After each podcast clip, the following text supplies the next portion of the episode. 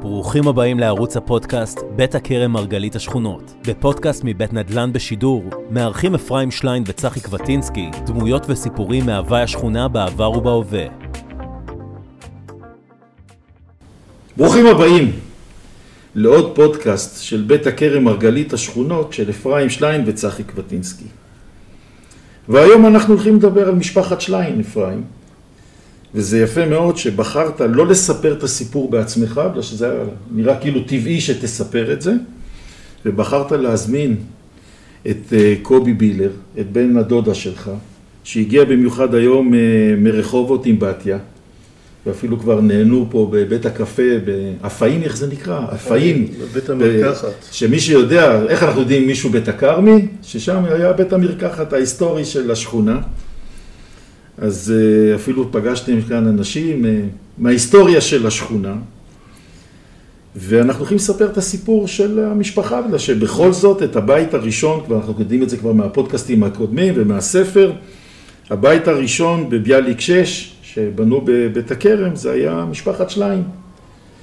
אז אה, אני אשמח ככה, קובי ככה, תן לנו בשתי מילים רק, שתי מילים, אתה יודע, רק כזה שנדע, לפני שניכנס לתוך השכונה והכל, תן לנו בשתי מילים מי זה קובי. אה, נולדתי בבית הכרם. זה החלק הכי חשוב. כן, 1947, ועל יד הבית שלנו היו התותחים של מלחמת השחרור וכל הכזוארינות שהיו בהגינה של, שלנו אה, נחתכו בשביל לעשות הסוואה לתותחים. וגדלתי והלכתי לגן הילדים בבית הוועד, בשביל להגיע לגן הילדים בבית הוועד הייתי צריך לעבור דרך הגן הציבורי, שנקרא היום גן ה-20. ובשביל להגיע לגן אנחנו לא הלכנו דרך המדור. אז אמרתי לך, כבר יש לנו מכנה משותף, בגלל שאני הייתי גם בגן בית הוועד, אבל אני הייתי אצל ציפי ואצל ציפי אצלך היא צעירה. אני הייתי אצל נחמה. אוקיי, עוד מעט נדבר עליה כן. ותספר לנו קצת עליה. בשביל להגיע לגן אני לא הלכתי במדרגות, אני הלכתי דרך אה, מסלולי המים. היה בצד. בצד. נכון. והיום, והיום עדיין קיימים, והשוק הראשון שלי היה, שקצת גדלתי, שלא יכולתי לעבור מתחת לצינורות, כי אני זכרתי בתור ילד, אני עברתי מלמטה בתור ילד, אז אחר כך לא יכולתי, ואז הבנתי שגדלתי. אתה יודע שאני הייתי בגן, באיפה שהתחיל המקום של המים, הייתה גרה שם האישה העיוורת המקסימה, אסתר, ובתוך הבית שלה היה גן. ואני הייתי בגן שם. כן? כן, כן. ושם גם לא התחלתי את לימודי המוזיקה שלי אצל אסתר חולי. הייתה מורה. אז בוא, אז אתה יודע מה, בוא נלך רגע לסוף, לסוף, לסוף, לא לסוף כמו שאתה רצית לספר לי, במה עסקת? בגלל שהיום אתה הרבה במוזיקה, אז מה עסקת, במה התפרנסת בחיים ומה אתה עושה היום? עברתי למחשבים, הדוד שלו, הדוד שלי, האבא של אפרים, אמר לי שחיפשתי מקצוע אחרי שנפצעתי, הוא אמר, תראה, תלך למחשבים, כדאי לך. זה הולך להיות משהו. ואז התחלתי, למדתי מחשבים, עבדתי במשרד האוצר, וכשהתקדמתי עברתי ל-IBM, עבדתי שם 27 שנה, בכל הדברים הכי חדשניים, ואחר כך יצאתי מ-IBM, והקמתי חברה, חברת סטארט-אפ, שהיו לי 300 אלף משתמשים, והתפטרתי ממנה, כי זה לא, זה היה התאים לי ולא התאים לאינדסטרי. ו, ומאז, ומאז עברתי למוזיקה, ואז אני שר, אני שר איפה שאפשר. איזה סוג מוזיקה? סוג הקלאסי, סוג הקלאסי, איזה 60 קונצרטים היה לי בתור, בתור זמר במקהלה עם זובין מטה.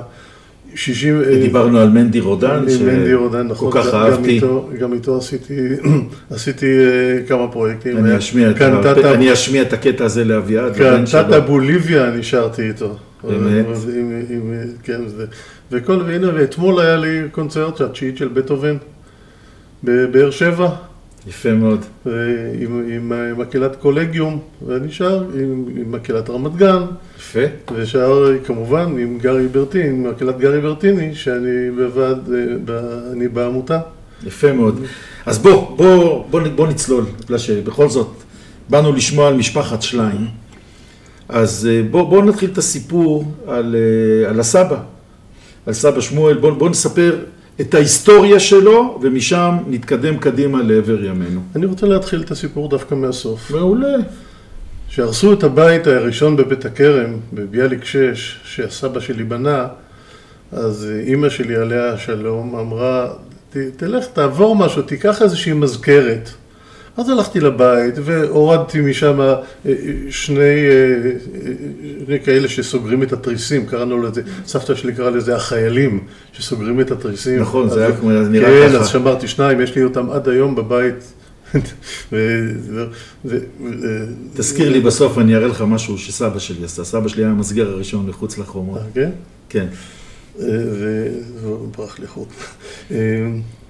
והורדת את המצב, ומה מה מצאת בעליית הגג? ואז בעליית הגג, באחד המקומות שאף פעם לילדים אסור היה לעלות לשם, עליתי, בשביל לעלות לגג, הייתה שם דלת גנובה, והיה צריך ללכת ולשים מטאטא שהדלת לא תיסגר, ול- ולטפס על הסורגים של המטבח, ועליתי למעלה, ואחת הפינות פתאום מצאתי אה, ארגז עץ. שהיה בפינות, אתה יודע, חשבו שזה חלק, אף אחד לא נגע בזה, לא היה שום דבר בבית, רק את הארגז עץ. הורדתי את הארגז עץ ומצאתי שם מטמון רוחני, מצאתי שם את כל המכתבים של הסבא שלי, ו- ואת כל ה... ומצאתי שם גם, גם את ה... את ה... חותמות. את החותמת המשפחתית שהוא הביא איתו מרוסיה. מ- מ- למי מ- ששומע רק ולא רואה, הוא מחזיק את החותמת ביד, ואנחנו נשים את התמונה שלה ב- כן. בעמוד שלי באתר. כן, ויחד עם זה גם, הוא עלה, לפני המשפחה, עם, החותמת, ואחר כך היה שם גם פתאום אה, חותמות, חותמות, חותמות עופרת, שלא לא הבנו מה זה, מה זה החותמות האלה. מסתבר שהחותמות האלה, זה מזמן הטורקים, הוא היה בסוף התפקיד שלו בגליל התחתון, שאני אחזור אליו תכף אנחנו מעט, נספר את זה. אז הוא היה המוכתר של יבנאל, ובתור המוכתר של יבנאל, היה לו חותמת, שהתמונה אתה בטח תצלם אותה, תצרף אותה גם לזה. כי כל מי שהיה מבקש משהו מה, מהשלטונות, מהשלטונות העות'מאנים, היה צריך לצרף חות- חותמת. אז לכל משפחה היה חותמת, והשם שלה כתוב בטורקית עם, עם, עם מספר הנפה. הנפה. הלכתי אצל הרבה מומחים שיפענחו את השמות של, ה, של המשפחות שלו, ורק, ורק באמצעות השב"כ הצלחתי לגלות, אה, לפענח את השמות של, מי, של כתובים, כי היום אף אחד לא משתמש באותיות האלה ובש- ב- ב- בטורקית העתיקה. יפה. אז, אז זה, זה הדבר ש... אז בוא, אז בוא, בוא באמת, בוא ניקח אז מפה את הצעד, ובוא נספר קצת על ההיסטוריה של שמואל. אוקיי? זה ששמואל לא התחיל בירושלים, שמואל התחיל בצפון, או בעצם בוא נתחיל, אפילו נלך צעד אחד אה, אחורה.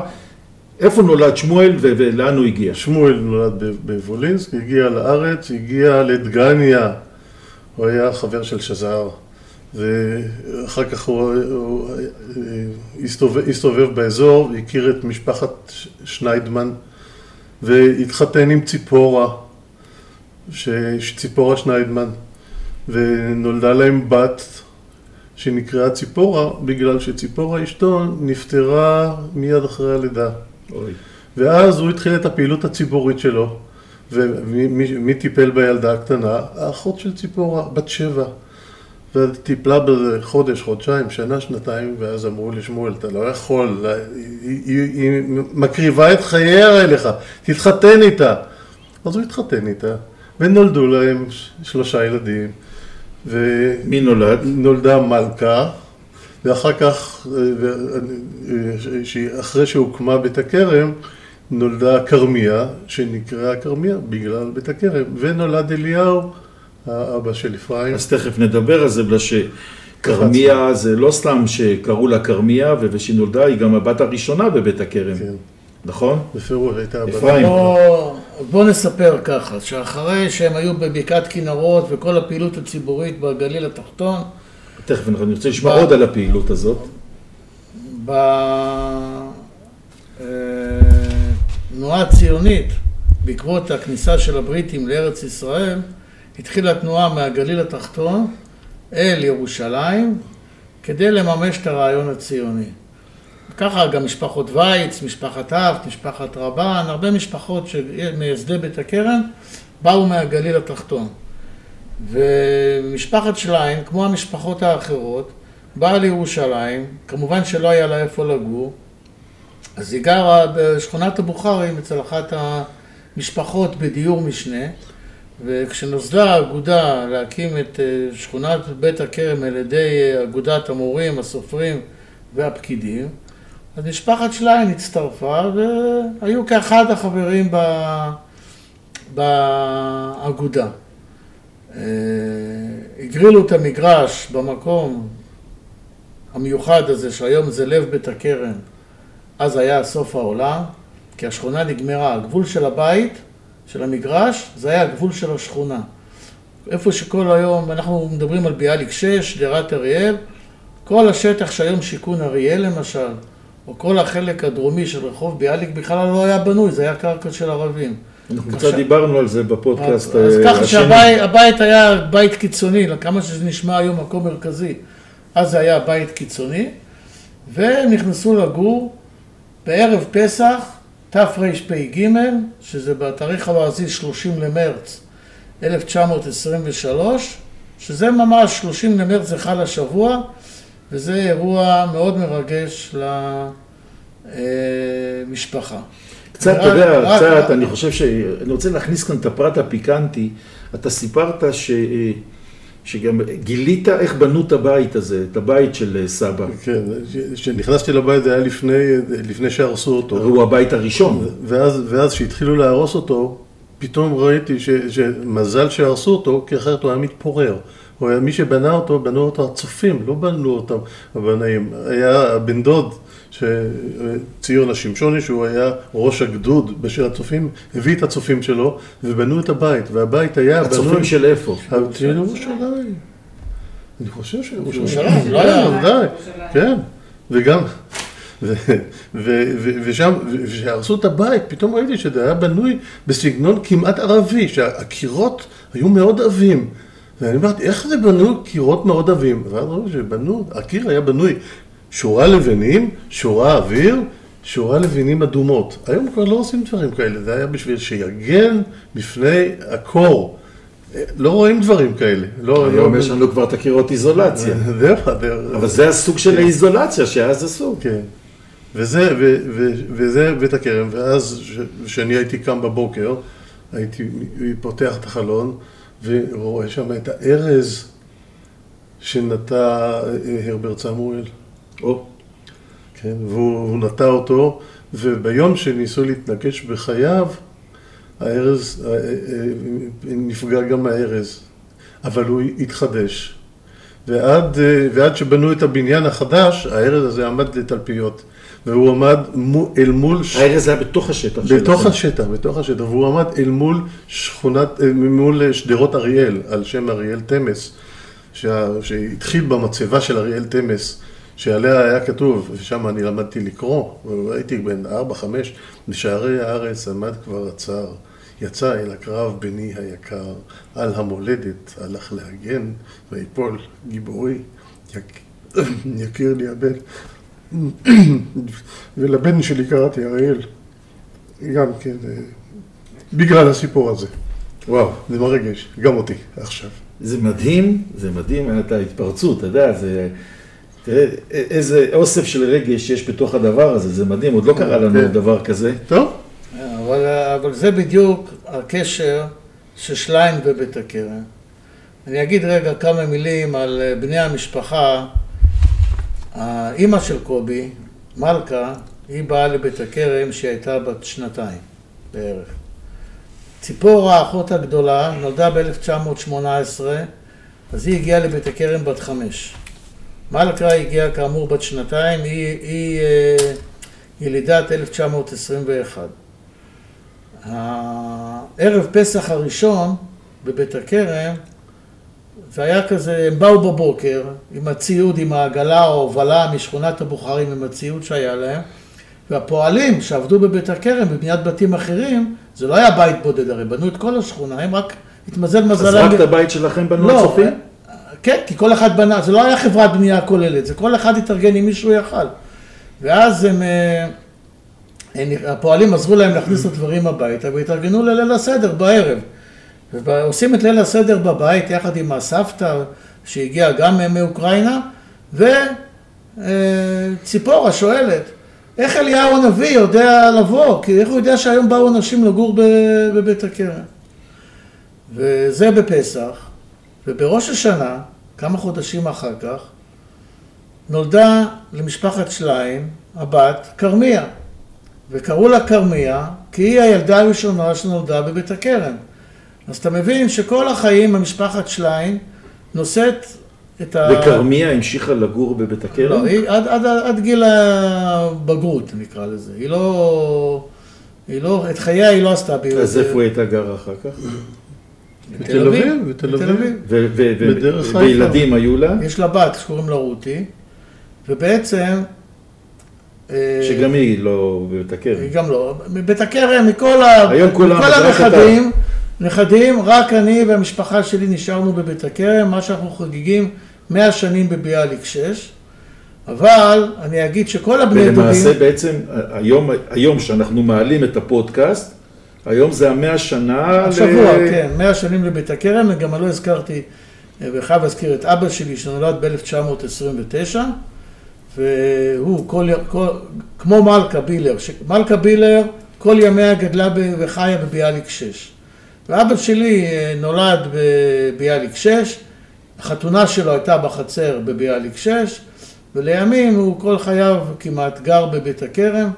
פרט לאיזה פרק של הפלמ"ח והקמת קיבוץ הוראה, בהתחלה בשיכון עממי, אחר כך בחוב הבנאי, ואחר כך הוא חזר לגור בביאליק 6, ואני גר היום בדירה של כרמיה בביאליק 6. אבל כל הבני דודים שלי, היה להם פרק בית הכרמי. הנכדה, הנכדה הגדולה עידית, דיטי, היום דיטי שווד, היא, אה, מי שהייתה סטודנטית, הייתה גרה בבית הכרם, ועד לפני בערך 15 שנה היא הייתה גרה בבית הכרם עם אה, בעלה דני שווד והילדים שלה אורי ואיה והבן של דני גיל שווד שמכירים אותו. אה, אח שלה גדי, גדי ברקי, היום הוא פרופסור, אה, אני חושב בגמלאות, למיילדות וגינקולוגיה וגנטיקה והוא בצעירותו היה קריין בכל ישראל והיה גר בבית של תשבי בחוב אה, ביאליק 11, אה, לפני, לפני שהרסו את הבית. והוא היה אה, בשכנות לעדה אנג'ל. הילדים של מלכה, אוצי, הוא גדל בבית הכרם, אחר כך הוא היה, היה בבית ספר חקלאי בכדורי, הוא הלך ל... ל... כן, הוא היה בכדורי, אחר כך הוא עבר לקיבוץ, היה בנתיב הל"ה. בנתיב הל"ה. אני עכשיו פועל בנתיב הל"ה, כן? אני עושה שם, מטפל שם בכמה בתים. יש לי שם כמה חברים עוד משם. אחר כך הוא עבר לטפל בביטוח, הוא היה אחראי על הביטוח של אה, תנובה, והוא גמר עורך דין. היום הוא חי ביהוד עם אשתו יהודית לבית מוסברג. אוקיי, ויונית? יונית אה, חי... אחותך הקטנה. אחותי הקטנה. היא גרה, אה, היא גרה עד הצבא גר בבית הכרם. אחר כך... אה, אחר היא ילידת איזה שנה? היא 1960. ו-60, כן, יש... שהיא נולדה, והאח שלי הגדול ביקש חופשת, חופשת שחרור, כי נולדה לו אחות, אז המפקד אמר לו, אצלכם, אצלכם האשכנזים אין דבר כזה 18 שנים בין, בין הילדים, ולא שחרר אותו. אה, באמת? בילה ריימס, גרה בקדימה, עבדה גם בתור דיילת באל על. עבדה הרבה שנים בחברת טבע, והיום יש לה שלושה, שלושה ילדים אה, שגדלים לתפארת. אז עכשיו שאנחנו קצת אה, מכירים... יש עוד בני דודים. גם אה. רותי, רותי דאוני, הבת של כרמיה, כן. היא גם כן, אחרי גיל ה... בראשית שנות ה-20, בסוף גיל הטיפש עשרה, הייתה גרה בבית של הסבתא לפני שהרסו אותו, אחרי שהסבתא נפטרה. הייתה גרה בבית הכרם, אחר כך היא אה, אה, נישאה לבחור סקוטי שעבד בתעשייה האווירית ועברה לגור הרבה שנים בלונדון, אבל הייתה מנהלת, לפני איזה עשר שנים חזרה לארץ. מה הייתה? הייתה מנהלת סניף בנק לאומי בלונדון. סמנכ"לית. סמנכ"לית. בתיה, את לא יכולה. זה- בסדר. אוקיי. אה, ושלושת האחים והילדים של אליהו. אחי הגדול, זיכרונו לברכה, מוליק, מולי שליין, שהוא נולד ב-1954, הוא נפטר לפני חמש שנים, מה הוא עשה? הוא היה חבר קיבוץ אה, אורטל, חבר קיבוץ לוחמי הגטאות, המשפחה שלו עדיין גרה בלוחמי הגטאות. אפרים ועבדכם הנאמן, יליד 1959, נשוי לאיריס, וארבע לארבעה ילדים שכולם בוגרי שבט בית הכרם, רותם, הדס, אלון וארז. ארז עכשיו הוא הצעיר, צריך להשתחרר מהצבא. ואחי הקטן, חנן, שהוא נשאר בירושלים, הוא גר במלחה, הוא עובד בנושא תקשורת, הוא עובד בהסתדרות עובדים לאומית, הוא עובד בקשרי קהילה של פרויקט הרכבת הקלה וחברת מוריה, וכולנו מחוברים בנימי נפשנו לשכונת בית הכרם. זו גאוותנו. אז יפה, אז בוא נשמע קצת, אפרים. אתה יודע, אנחנו מכירים את אה, בית הכרם משנת 59, אבל יש לנו פה את קובי, שיכול לספר לנו קצת על השכונה לפני שנולדנו. קצת ספר לנו מההיסטוריה של השכונה שהייתה אחרת. אני אספר את הס- את הסיפור של המרפסת של סבתא שלי. רחוב ביאליק, לא תמיד היה רחוב ביאליק. קראו לו רחוב ביאליק רק כש- כשביאליק אה, קנה, אה, קנה חלקה ורצה לבנות שם את הבית שלו. קראו לזה רחוב הברושים. לא סתם קראו לזה רחוב הברושים, כי פשוט היה שם ברושים, זה היה מאוד טבעי ש, ש, שמשפחת, שמשפחת אה, לוי, של, של, של משה ומרים לוי וניסים לוי וטובה ומשפחת רבינוביץ' והירשפלד, הם, הם, הם בנו שם את ה... הם נטעו את, ה, את, ה, את הברושים. וסבתא שלי, בת שבע, אהבה לשבת על המרפסת. הראייה שלה לא הייתה כל כך טובה. אז כל פעם שהיה עובר מישהו, מישהו ברחוב, היא הייתה מנסה לזהות מי זה, ו, ואז היא הייתה אומרת, גברת יאריץ', או, או, או, או, או, או גברת לוי, והכל בצעקות, כן? כשהיא הייתה צועקת, אז ידענו שהכל בסדר. ואז, ואז, וככה אנחנו הכרנו את האנשים של השכונה, כי מי שעבר, הוא היה, עברת, נכנסת, ת, תשב ותדבר עם סבתא, והילדים זה לא יפה ש, שילדים ישמעו את מה שהמבוגרים אומרים, הייתה שולחת שולחת אותי, אומר, אה, תלך, לחצר שלכם. היה לנו חצר גדולה, עם הרבה... זה, ו- כמה שטח היה לכם שם בבית? 750 מטר. דונם וחצי. דונם וחצי? חושב כל. המגרש היה דונם וחצי. כן? אה, כן. הייתה יותר גדול משלנו. אני חושב שפחות. היה הרבה מריבות על, ה, על המגרש הזה, כי המגרש שלה, שקיבל, שהגריל שלמואל שליין, היה בלי סלעים. וה, והמגרש ש, שווייץ הגריל, היה מלא סלעים. בית זה ברחוב החלוץ. כן. והיה להם, אתה- הגרלת יותר טוב ממני. זאת אומרת, זה היה... המגרש של וייץ הוא גם אה, בשיפוע, בש- כן, במדרון כזה. אני, ואני תמיד אמר, בתור ילד, אמרתי, למה אצלנו אין סלעים? כל כך כיף לשחק בין הסלעים. אבל אחר כך, שהקמנו את מגרש הכדורגל אצלנו במגרש, במגרש שלנו, זה מגרש לא, לא גדול, אבל זה היה קטע שלא היה שם עצים, אז בנינו שער. זה היה נדיר שלא יהיה סלעים, הרי חלק. מהמראה של בית הכרם זה, זה אמרת, הפעים אולי סלעים, אולי נכון? מסביר את בעיות הרטיבות שיש לשכן שלי במקלט, וכל הזמן נכנסים לו מי תהום. נכון, אני יודע. אני- באמת? כן, אני, אני הייתי, בתור ילד, אני הייתי, הייתי מעביר, מעביר משחולות במנ- במנהרות של החפרפראות בשביל לנקז. וש- ושהגדילו את הבניין, הבניין המקורי היה רק של, של ארבעה חדרים. אבל אחר כך כשהמשפחה שלנו גדלה, אז הוסיפו, את, סגרו את המרפסת, ומהמרפסת של המטבח עשו, עשו עוד מטבח, זאת אומרת שאפשר יהיה לכתוב שני, שני משפחות. ואז כשבנו, אז, אז עשו גם, עשו מחפורת, והמחפורת הזאת, תמיד היה שם שלולית בחורף. ואז אני בתור ילד, אני למדתי את, החוק הכלים שלובים, ואני, זה היה החכם שידע איך לנקז את המים, בלי זה, והיינו מושכים את הצינור, ואז הייתי הולך ושואב את המים, וכמה מי שלולית אני שתיתי, אבל, אבל המטרה הייתה טובה. אני השלולית היחידה שאני זוכר מבית הכרם, אפרים, הייתה פה, פה. ב- בשדה, איפה שהיינו מביאים ראשנים לבית ספר אחר כך. כן, איפה שהיום יש- איפה שהיום. יש את הבית- את הדיור מוגן. אני חשבתי שזה דווקא פה. לא, לא, זה שם. זה שם. אנחנו כן. בחלק, אנחנו היינו בקו של, אנחנו בקו של תעש. אה.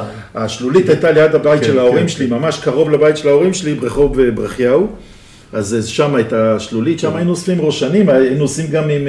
וואי, היינו עושים רפסודות. רפסודות היינו עושים. שם. ובקיץ היינו נוסעים שם, נוסעים באופניים, כי שם היה אפשר, היו שם קפיצות, היה אפשר לקפוץ.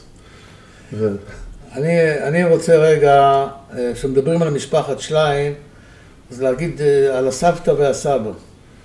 אני אומר על הסבתא, כי ראיתם ששמואל שליין, מרגע שהוא, נגיד, התחתן או היה אבא, הוא חייב, היה חייב את האישה שלידו. ואף גבר לא יכל להגיע לבית הכרם בלי האישה שאיתו. ובעצם אני את הסבא לא הכרתי, כי הסבא נפטר ב-1951, אה, שבוע אחרי שההורים שלי התחתנו, הם התחתנו במיוחד כדי שהוא יהיה בחופה. ואת החופה, החופה הייתה בחלון, הוא היה מתוך הבית, הייתה בחלון של הבית, הוא שכב במיטה, קובי היה איתו במיטה, לא אני הייתי במיטה, אני רציתי לראות את, ה... אני רציתי לראות את החופה, אז הלכתי לעמוד בחלון לראות את החופה. אבל היית לידו. היית לידו. לא, הייתי, הסתרתי לו, אמרו, תזוז, אתה מסתיר לו את החתונה. אז הלכתי ואז הייתי איתו. ו... אז הם התחתנו בביאליק 6, ו... אז הסבתא היא הייתה הדמות שאותה הכרתי, אותה גדלתי, וכמו שקובי אומר, דרכה אני הכרתי בעצם את כל הדמויות הבית הכרמיות שאני היום קורא ומדבר עליהן, ואם הזכרתם פה את אה, משפחת וייץ והחלקה, אז משפחת וייץ באמת אה, גריל הסלעים, וכתוב בכל הסיפורים של משפחת וייץ, איך רוחמה וייץ אמרה ליוסף בעלה, לך תחזיר את המגרש, לא יכולת להגריש, להגריל מגרש עם קצת אדמה. עכשיו קובי סגר לי פה איזה סיפור, כי אני תמיד זוכר את גברת וייץ באה לסבתא שלי, והיא תמיד היא הייתה אישה דעתנית עם לק אדום ושיער כסוף כזה, אישה חזקה מאוד, וכנראה שהיא לא סלחה למשפחת שליין כל ימיה על, ה... על המיקומים. על האדמה. אבל אה, אז הסבתא שלי הייתה אישה מרתקת, ועם... אה, אה, אה, אני אספתי, אני אספתי... ממה סבא התפרנס? או, אמרתם שהוא היה מוכתר. שנייה רגע, הוא היה מוכתר בגליל. אבל בירושלים, אחרי שהם באו לירושלים, הוא למד עריכת דין, והוא היה עריכת דין, והמשרד שלו גם היה בעצם בתל אביב, הוא עיקר... היה לו גם משרד במגרש הרוסים. ואחרי הרבה שנים הזמינו אותנו למגרש הרוסים, למשרד של שליין, לקחת את כל מה שנשאר. מה זה, ממש במגרש הרוסים? איפה שהמשטרה? איפה שעולים למעלה, לא, בבניין, או שעולים למגרש הרוסים? בבניין, בבניין, שם לפני, פעם היה. הבניין שעולים למעלה למגרש הרוסים, מצד חשי, שמאל, מצד נו, שמאל. נכון, קומה. שלישית. קומה שלישית, ואז אני הלכתי, אה, הלכתי עם סבתא לראות את, המשרד, ואז זה כבר לא היה משרד, כבר זה- זה היה רק כרטיסי ביקור שם, שלו נשארו שם. הוא עבד בתל אביב, והוא היה מגיע הביתה מעט מאוד, היה לקראת סוף שבוע, היה בא הביתה, היה, ואני זוכר אותו עד היום, הולך, הוא היה קורא את עיתון הדור והפועל הצעיר, והיה לוקח את- העיתונים, ויושב וקורא, והוא לא היה, הוא לא- מפסיק עד, לקרוא עד שהוא לא גמר את הכל, וכל דף שהוא היה קורא, קורא, הוא היה קורע את הפינה שלו. כדי שהוא ידע. בשביל שהוא ידע שהוא קרא אותו כבר מההתחלה ועד הסוף. הוא היה מאוד יסודי. מאוד יסודי, וזו תכונה... של זה- המשפחה. זו תכונה של המשפחה, היסודיות. אז- ויש יש הרבה אנשים שהם מאוד מאוד מאוד מאוד יסודיים ו- ו- ודעתנים. אני רוצה, אני רוצה רגע להגיד על שמואל שליין בבית, בבית הכרם, כי הרבה מאוד שנים הוא היה יושב ראש ועד השכונה. זה היה בתקופות, אבל, וגם הוא לא היה, כמו שאמרתי קודם, מהפעילים המרכזיים בייסוד השכונה.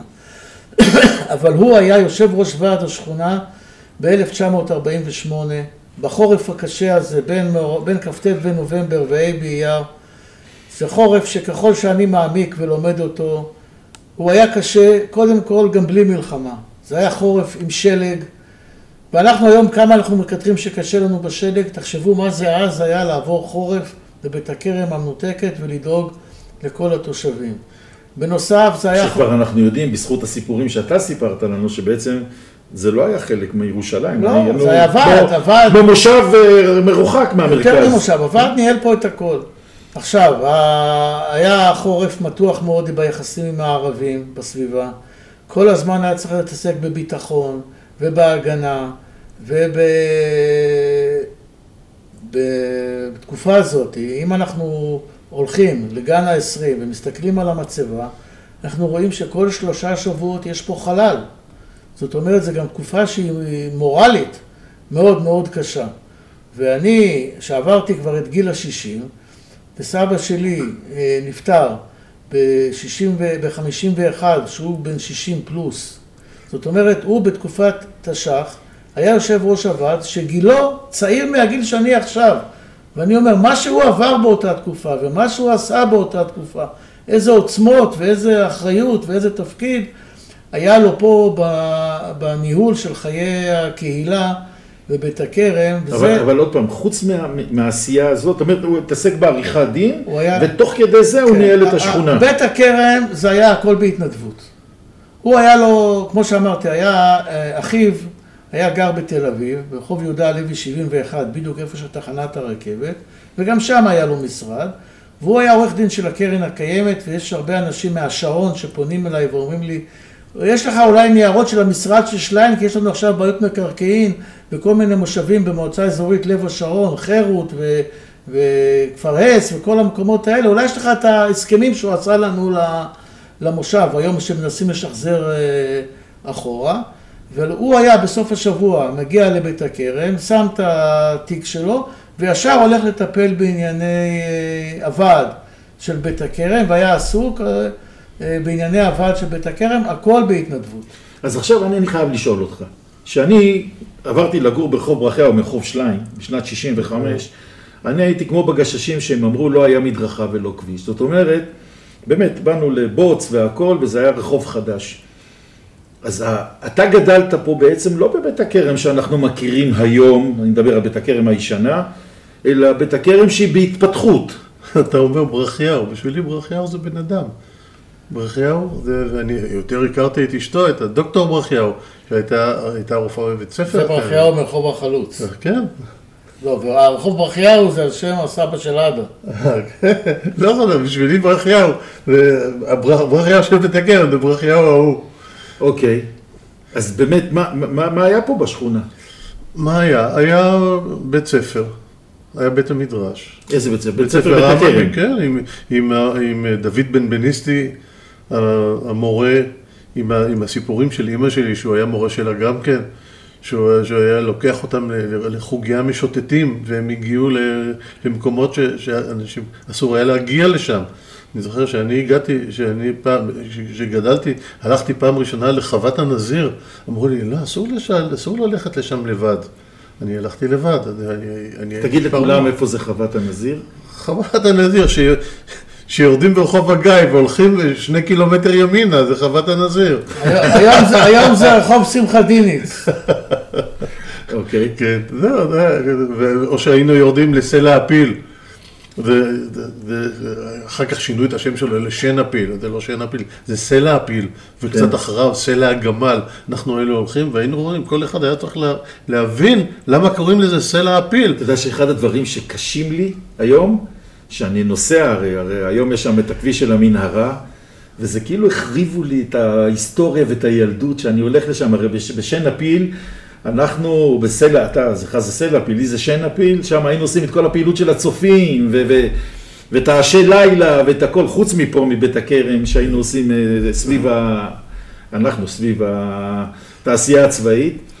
אבל כואב לי הלב שאני מסתובב שם. כן, ושהיינו יורדים בנחל ציון ועולים עולים לאוניברסיטה בשביל. זה- לא- ככה אפרים ואני היינו הולכים לבית ספר. כן, ילדים, הסטודנטים היו גרים בבית, הכרם, כי זה היה קרוב לאוניברסיטה. מה זה קרוב לאוניברסיטה? אתה צריך היית ללכת, לחצות, לחצות את הוואדי לאוניברסיטה, לגבעת רם. היום? צ'יק צ'אק. כן, אנחנו היינו, אנחנו בחורף היינו הולכים דרך רחוב אה, רבי בנימין. רבי בנימין, דרך השביל שהיה שם סלול, בגלל שהכל היה בוץ, ובמשך רוב השנה היינו יורדים, היה לנו שתי יציאות מבית ספר, והיינו יורדים לרחוב שחר, איפה שלימים אני גרתי, בשחר 22, היינו עוברים דרך המגרש הזה ממש. אבל מה, אני שם- זה היה מגרש. שם היה מגרש המכבי. היה מגרש המכבי, שבשנות ה-50 עשו שם מגרש כדורגל, כי רצו לעשות שם את המכבייה. את המכבייה לא עשו שם, אבל היה מגרש. חידוש, לא ידעתי. עשו שם את המגרש. איפה, ברחוב שחר? לא, ממש בוואדי. איפה שגן השחר גן שחר למטה היום. כן. כן. זה גן שהוא בתוכנית של קאופמן, היה אה, מגרש ספורט, והיה שם, ההגנה היינו מתאמנים שם. ו... אה, זה היה רחוק מהבריטים, זה היה מקום טוב כן. רחוק מהבריטים. יפה. כן. אבל אני רוצה, צחי, רגע, כן. רגע, כשמדברים, אנחנו... היום הדגש שלנו זה משפחת שליין בבית הכרם. אז כמו שאמרתי, אה, מהילדים, ציפורה ומלכה, ציפורה וכרמיה, אה, את אה, בגרותם לא עשו בירושלים ולא גרו בבית הכרם. תמיד היו קשורות ובאות, אבל לא גרו בבית הכרם. אבל האימא של קובי, מלכה, היא כל ימיה גרה בבית הכרם, וכשמדברים על בית הכרם, ועכשיו אנחנו חוגגים 100 שנים, חייבים להזכיר שהיא המציאה בבית הכרם את כל הפעילות למען הקשישים. היא יצאה לפנסיה, היא עבדה בכנסת, ופרשה, והייתה אלמנה, והבינה שלאנשים המבוגרים, הימים הקשים, היום הקשה ביותר בשבוע זה שבת אחרי הצהריים, אחרי שהמשפחה נוסעת, כל מי שבאים לבקר, והבן אדם נשאר לבד. והיא הקימה במתנ"ס מועדון שנקרא עונג שבת.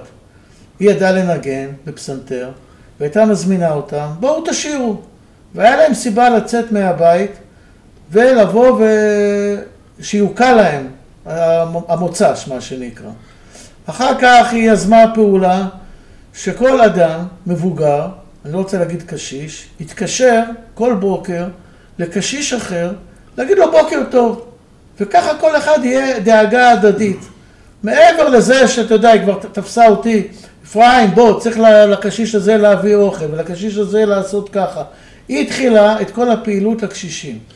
ומעבר לזה, היא הייתה בקשר עם הרופאת משפחה, עם דוקטור אלטשולר. וואו. וכל פעם שהיה דוקטור איזה אלטשולר, היסטוריה זה דוקטור אלטשולר. הייתה, הייתה מגלה מישהו שהוא בודד ושצריך לבקר אותו, או שצריך לסעוד אותו, היא הייתה מרימה טלפון. דוקטור אלטשולר, היא הייתה אישה לא... קטנה. הייתה קטנה, 900 אחוז לב, והיתר זה כל השאר. היא הייתה מסתובבת בין הבתים, והיא הייתה דואגת לכולם. אם אני זו... הנה, אני מתרגש שאתם מזכירים את השם שלה. בגלל שאני זוכר אותה לי היא כל כך טוב, היא הייתה כל כך נאמנה לפציינטים שלה, היא הייתה מדהימה. אבל- היא הייתה רב-דורית אצלנו אבל במשפחה. לפני כן, לפני דוקטור אלטשולר, היה דוקטור ולק. דוקטור ולק היה הרופא של בית הכרם. והוא היה בא, הוא היה בא, היה גם דוקטור נלקן, הוא היה המנתח. אליו לא היה, אי אפשר היה להגיע, כי, למרות שהוא גר, הוא גר ברחוב המעלות, אי אפשר היה להגיע אליו כי הוא היה מורם מעם. דוקטור ולק, הוא היה מסתובב בין הבתים. והיה עובר ו- ומטפל, ויותר הוא היה תושב בשכונה? כן, כן, כן, כן, הוא גר ברחוב המייסדים. וואלה. בר- ברחוב, בכביש הלבן, לא, זה לא היה כביש, רחוב המייסדים, בכביש הלבן. אבל יותר מזה, הייתה גם האחות סוניה, אשתו של, של, היו שלוש מכולות, היה המכולת של ברקוביץ', היה המכולת של הזקנות, שאחר כך היה רוקח, והיה המכולת, אה, היה אייזנמן? מכולת, אייזנמן, אייזנמן, קטוע היד. אשתו הייתה אחות, היא הייתה עוברת, והיא הייתה קוראת לי כובע, היא לא ידעה להגיד קובי. ולימים, פתאום אני, באחת המקהלות שאני שר איתם, פתאום אני רואה מישהו שהוא מתחיל, והוא מדבר על בית הכרם. אני אומר, רגע, מה, מה הקשר שלך, בית הכרם? אני מסתכל עליו, אומר, רגע, אתה הנכד של אייזמן. הוא אומר, היי, אייזנמן, נכון, סבא שלי. אני, אני הייתי בא לבית הכרם, זהו, הוא גר ברחוב, ברחוב החלוץ שם, מיד אחרי החקלאות. בירידה, שם הוא היה גר, הוא היה שם מבלה את את החופשים. אתה אומר אחרי החקלאות, זה לא מובן לכולם מאליו, זה הפינה של שדרות הרצל, כן, כן. עם רחוב החלוץ, בדיוק דיברנו על זה אתמול, שגם הגינת חקלאות שלנו, של יפה נוף, אני למדתי ביפה כן. נוף, הייתה גם שמה, ואני הייתי, היינו מגדלים שם פרחים, שם ובגינה שלנו בבית ספר יפה נוף, ואני הייתי אחראי בכיתה ו' על מכירת הפרחים, וככה אספנו כסף לבית ומי ספר. היה המורה שלך, זהבי או נצר? היה, היו שניים. אה, היו שני מורים לחקלאות. היה נצר, שהוא היה מתאכזר לילדים, והוא היה מכריח אותם לנקש את כל העשבים. והיה זהבי, ב... ב... ב... לא, אני חושב שהם היו בבית ספר אבא בית הכרם. נצר, אבא של נצר. לנו זה היה מישהו אה, אחר נכון, ביפה- אה, אה, נוף, היה כן, כן, מורה כן. ברח לי השם שלו. מה השם אבל- השם שלו? לא זו- נצר זה הבן שלו הגבוה. כן. אבל אני רוצה רגע לחזור, בכל זאת, אה, להשלים משהו. ב-1989 התחיל הסיפור של שיקום בית הוועד. כשהבת של יובל טל, ליה פרס, באה וסיפרה לו שהולכים להרוס את הבית וצריך להציל את הבית, אז יובל טל, שהיה גר אז ברחוב המייסדים, ארגן את כל החברים שלו, שהיו אז בגיל ממוצע 70, וצירף אותי, להוריד את הממוצע הגילאי, הייתי בן 30, ולהציל את בית הוועד. ומלכה בילר נרתמה, והייתה המנוע טורבו, D9. לגייס אה, את כל הכוחות שאפשר מהשכונה ומחוץ לשכונה להציל את בית הוועד. והדודות שלי ישבו בתל אביב, ובטלפון החוגה שלהם, לא נייד ולא דבר כזה, התחילו לחפש את הבני מחזור שלהם שלמדו איתם, ולמדו איתם בכיתה א', ותחשוב שהדודה שלי ציפורה כבר ב-1938 היא הייתה מורה ביוקנעם. אז תחשוב על איזה שנים אחורה הם היו צריכים ללכת, ומאחר והרבה מבני בית הכרם התפזרו לבנות את המולדת בהרבה מאוד יישובים והרבה מאוד קיבוצים, ולא היה אינטרנט למצוא אותם כמו היום. ואם אתה לפני, ב-1989, כשרצית לאתר מישהו בקיבוץ חצור, זה לא היה להתקשר לבית שלו, זה היה להתקשר למזכירות של הקיבוץ, לשאול אם הבן אדם שם. ולפעמים יש שמות שאנשים עברתו, או ילדים שנישאו, והיה צריך לאתר אותם. וציפורה וכרמיה ישבו וארגנו רשימות של צאצאי בית הכרם וקראו לכולם לדגל, בואו להציל את בית הוועד. ויש להם חלק נכבד בפעולה הנפלאה הזאת, איך בני בית הכרם מכל הארץ הצילו את, בני, את בית הכרם. הלוואי ותושבי בית הכרם היום היו נרתמים להציל את בית הכרם, כמו ששם כל בני בית הכרם עשו אז. ובית הכרם זה בכלל לא היה מובן מאליו. בית הכרם הייתה מופרדת מירושלים. והיה דיונים... גם שאתה גדלת? לא, לא, לא, זה, זה, זה ההיסטוריה. אני כבר, אני כבר גדלתי שכבר היה קו 12 שנסע, ל, ש, ש, שנסע לבית וגן ועבר דרך בית הכרם, אבל, אבל, אבל אה, לא היה ברור מאליו שבית הכרם היא חלק מירושלים. הם בנו את השכונה, הם בהת- בהתחלה זה היה שכונת מוס. אבל אחר כך, ברגע ששליין אה, הצטרף והוא היה פקיד, אז קראו לזה שכונת מופס. מורים. פקידים וסופרים. מורים, פקידים וסופרים, הוא היה פקיד. הוא היה פקיד של, של, מועצ, של המועצה, מועצת העם הזמנית. הוא זה שקבע את, את המושג יום בחירה. יום בחירה, הוא אומר, "לא, למה יום בחירה? הדתיים הם שיצ... ש... בתשעה באב שלא יעבדו, והחילונים באחד במאי שלא יעבדו. זה המושג של יום בחירה. אחר כך, וזה, וזה נהיה, וזה היה ככה מסמר עד שנהיה יום ירושלים, שאמרו יום בחירה שלישי, שזה יהיה לכולם, ואז אתה יכול לבחור, והמושג של יום בחירה, זה היה המושג שלו. אבל אני, אני רוצה רגע עוד משפט אחד שקשור, אה, כי קובי מעורר אותי לדברים. אה, כשקמה מדינת ישראל, אחרי תמה מלחמת השחרור וקבעו שירושלים היא בירת ישראל, בית הכרם נמצאת פתאום בטבור של מדינת ישראל, של בירת ישראל, בין המוקד השלטוני לגבעת רם להר הרצל שהוא הפנתיאון הלאומי. ותושבי בית הכרם בהתפעמות רוח הרגישו שהם במקום אין טוב ממנו כשקמה מדינת ישראל וחזונם ושאיפתם שהם באו 25 שנה קודם מתממשת. אבל היה שאלה מאוד אה, חמורה, האם בית הכרם תסופח לירושלים? כי ירושלים באותה תקופה הייתה עדיין ב, לפי המוסדות הבינלאומיים עיר בינלאומית. לא הסכימו שתהיה חלק ממדינת ישראל, לא הייתה על זה הסכמה. ורצו השלטונות היהודים, קו הגבול נקבע בעצם לפי המלחמה של ירושלים, והם רצו להרחיב את השטח מערבה. אז הם אמרו, נספח את בית הכרם, את קריית משה, את בית וגן, לירושלים, וככה ירושלים תגדל. באו אנשי בית הכרם למוסדות ואמרו, תקשיבו, אתם רוצים לבנות? בבקשה, תבנו מרחביה ועד איפה שאתם רוצים, מערבה. רק אותנו, את השכונות, תשאירו מחוץ לירושלים. למה מחוץ לירושלים? משני טעמים.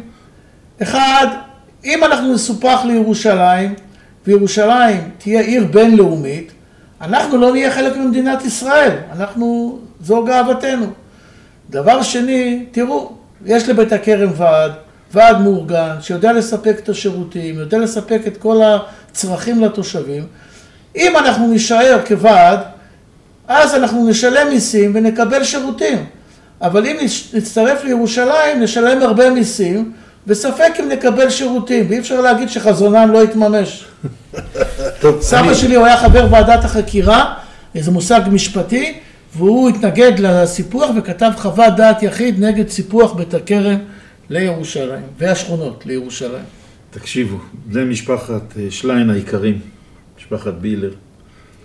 אני חושב שאם אני מסכם את הפרק הזה, א', אני, אני יוצא ממנו מרוגש, בגלל שלמדתי המון על השכונה. ואני לומד כל פעם שבעצם התרומה של משפחת שליין, וסליחה שאני, אתה בכל זאת משפחת אה, שליין. מסתכלים, אה, מסתכלים על הידיים, זה, זה, זה יותר שניידמן מאשר שליין. אז לא, זה לא משנה, אבל אני אדבר על המקור, ואני רואה גם את התרומה של אה, אימא של חז"ל, ואני רואה, אני רואה את התרומה של כל המשפחה, מעבר לבית הראשון בבית הכרם, ולניהול של השכונה והכל, והתרומה לאורך שנים. ו... זה פרק מאוד מאוד מרגש, אז תודה רבה, קובי, שהואלת ובאת. אפרים, תודה רבה על כל העושר של הידע הזה, ואנחנו נמשיך ונדבר על השכונה, ואנחנו ניפגש פה בפרקים הבאים. חג שמח. חג שמח.